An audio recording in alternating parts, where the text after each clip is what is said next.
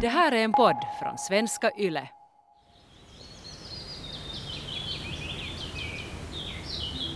Heinäveden Kermajärven seutu on luojan ja ihmiskäden taitavasti kaunistamaa, mutta nyt tähän kauneuteen liittyy kammottava muisto. Leirialueelle johtava metsäpolku jäi tyttöjen viimeiseksi tieksi. Sen päässä he elokuun hämärässä yössä tapasivat matkansa pään.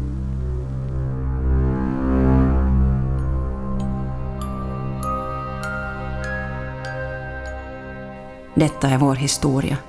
En mörk och tragisk berättelse om oskuld, ondska och en sommar som blev vår sista.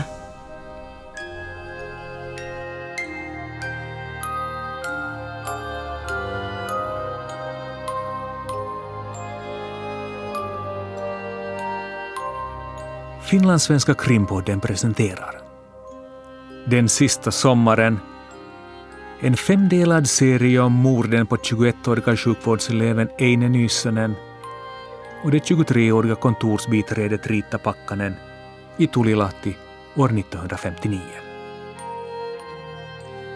Del 1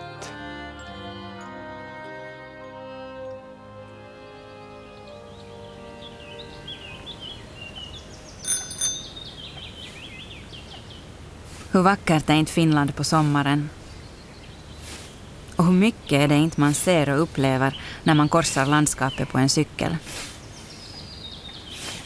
Den speciella doften som möter en i en tallskog eller den mättade solvarma doften av nyslaget hö som läggs på snäsar av svettiga män och kvinnor. Sådant är sommarfinland. Inbjudande och oändligt vackert.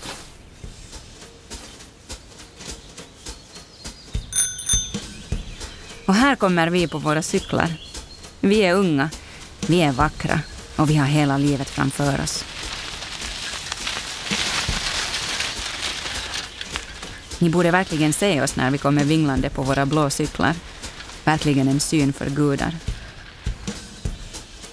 Visserligen är cyklarna två tungtrampade åbäken som inte skonar vare sig ben eller rumpor. Men vår klädsel är det däremot inget fel på. Skorna av tyg är lätta och mjuka, shortsen vida, bomullsblusarna svala och panamahattarna som pryds av ett brett silkessnöre skyddar mot solen samtidigt som de ropar ut Här kommer två kvinnor som på cykel ska erövra världen. Vi är som två upptäcktsresande, som två kalvar som släppts på sommarbete, lika ystra och förväntansfulla. Vi har förberett oss väl, gjort långa cykelturer på hala vägar för att bygga upp konditionen, studerat kartor och läst på om Koli, nationalparken som vi båda drömmer om att få se. Men vi har också sytt bärremmar och skrivit brev till släktingar i Varkaus om att vi gärna hälsar på. Och så har vi gjort noggranna kalkyler över hur mycket pengar som kan behövas och vad som måste få plats i cykelväskorna.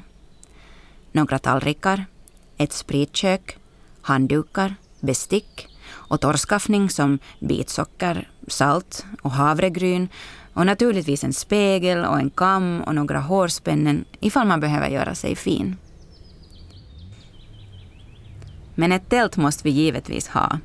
Så äventyrliga är vi inte att vi i en dryg vecka skulle sova under bar himmel, skojar vi och stöter varandra vänskapligt i sidan med armbågen.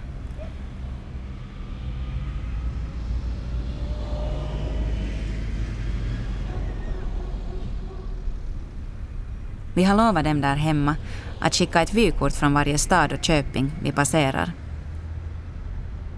På så sätt kan de följa med vår färd och fantisera om allt det vi varit med om. Och när vi själva kommer hem kan vi återuppleva resan genom att titta på korten som våra föräldrar hängt upp i köket och skrattande konstatera att där är kortet från Koli och där kortet som vi sände från Nyslott. Minns du? Visst gör du det? Vi har också fått låna en kamera av Veikko. Men film är dyrt och vi är nog lite ovana med kameran så det är inte särskilt många foton vi tagit än så länge. Det heter visst att en bild säger mer än tusen ord. Men varje dag konstaterar vi att några rader på baksidan av ett vykort kan säga oerhört mycket mer.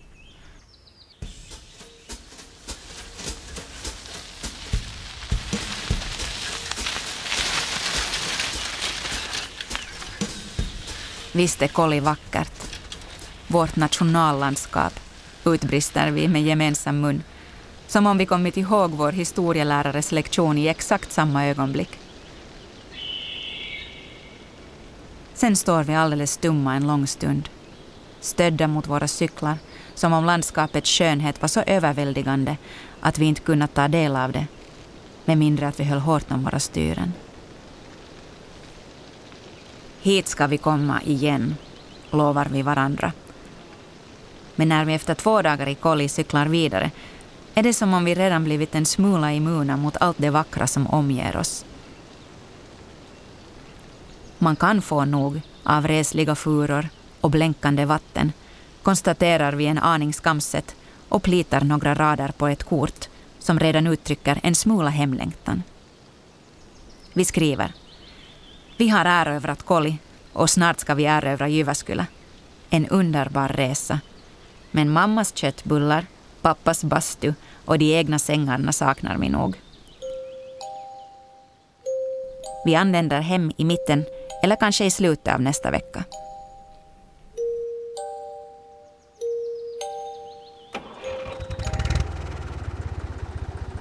Ibland blir vi omkörda av en Ferguson eller en lastbil och då vinkar vi glatt och försäkrar att vi nog orkar trampa trots att chauffören med en blinkning säger att det finns gott om plats på flaket för två flickor och deras cyklar. Men vi skakar bara snabbt på huvudet och försäkrar med ett leende att vi är gjorda av segt virke och vi nog för egen maskin ska ta oss fram till Polvijärvi. Då höjer chauffören en hand till hälsning och gasar så att bakhjulen river upp dammoln som får oss båda att hosta. Jävla gubbe, ropar vi efter lastbilen som försvinner i följande kurva. Fast egentligen är vi inte ett dugg arga eller upprörda, bara spralliga och lite berusade av den frihetskänsla som infann sig så fort vi lämnade hemtrakterna bakom oss. Vi cyklar och njuter och långa stunder glömmer vi bort att prata. Så vackra är de slingriga grusvägarna som kantas av hagar, skog och sjöar. Ibland inbillar vi också att vi hört en moped knattra på avstånd.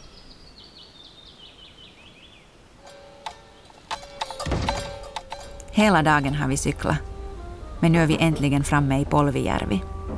Det ska bli skönt att få sova i en riktig säng, tänker vi och tar in på det lokala resandehemmet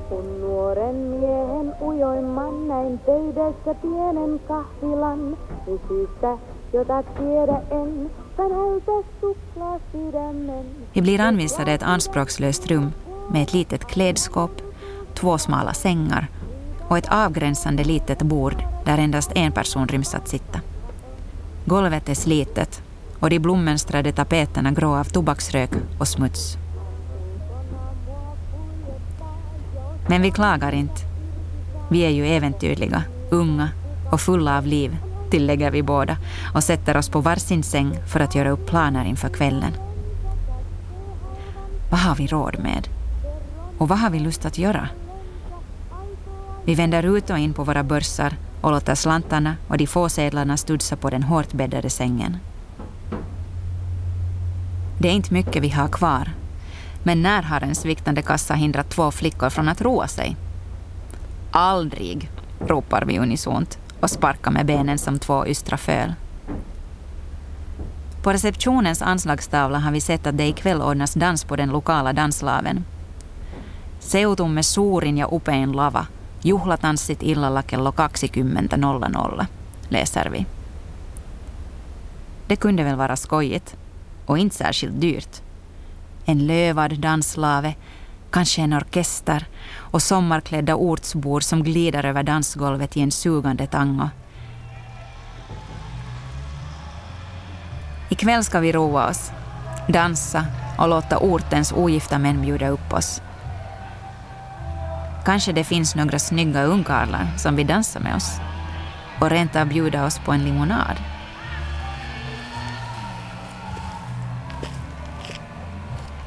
Redan på håll kan vi höra musik och uppsluppet sorl.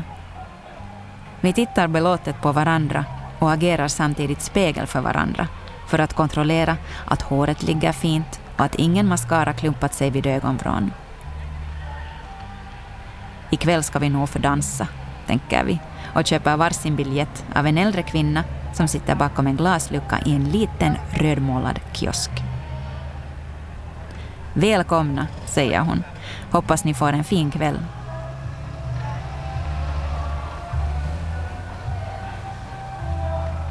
Nyfiket ser vi oss omkring. Den lilla orkestern är på plats och på dansgolvet glider redan en mängd par fram till tonerna av sommarens stora slagdänga. Kvinnorna har blommiga sommarklänningar medan många av männen dansar i en mörk kostym eller i skjortärmarna när dansens virvlar tvingat dem att lätta på klädseln. Där står vi en stund och följer med turerna som två förvirrade panelhönor.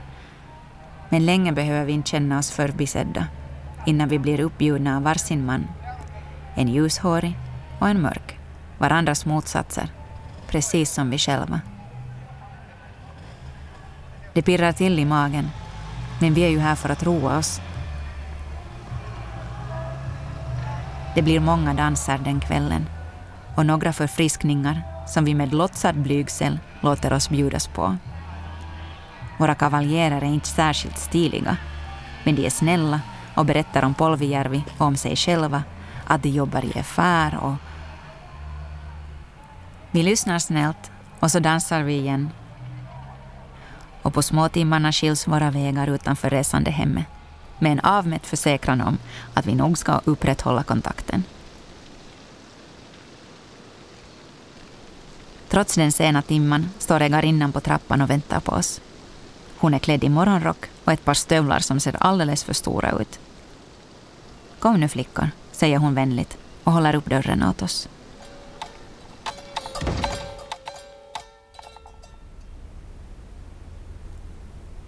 De unga männen avlägsnar sig och vi går upp på rummet, fortfarande en smula uppspelta för att genast få fatt på sömnen. Där ligger vi i varsin säng med ett litet bord emellan oss och berättar om vad vi upplevt under kvällen när vi tillfälligt varit åtskilda. Om hjältegravarna på kyrkogården, om cirkulerande spritflaskor och svettiga manshänder. Vi skrattar och känner oss så levande att det dröjer ytterligare en timme innan vi båda somnar.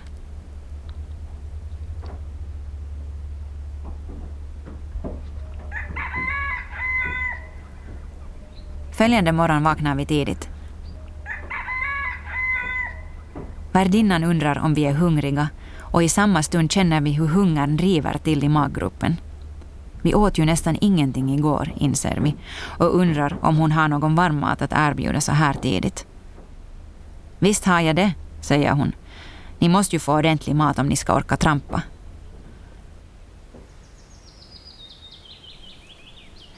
När vi ätit gröt och piroger och tackat och sagt att det var den godaste frukosten vi ätit på länge går vi ut på gården där cyklarna redan väntar. Nästan lite otåligt, som om de saknat oss och bara väntar på att få rulla vidare. Vi gränslar cyklarna, ställer oss på pedalerna, rättar till hattarna och lämnar resandehemmet bakom oss.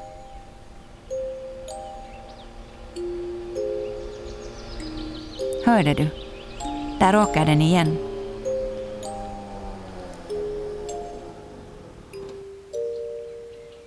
Det är den 27 juli år 1959. Vår sista dag i livet.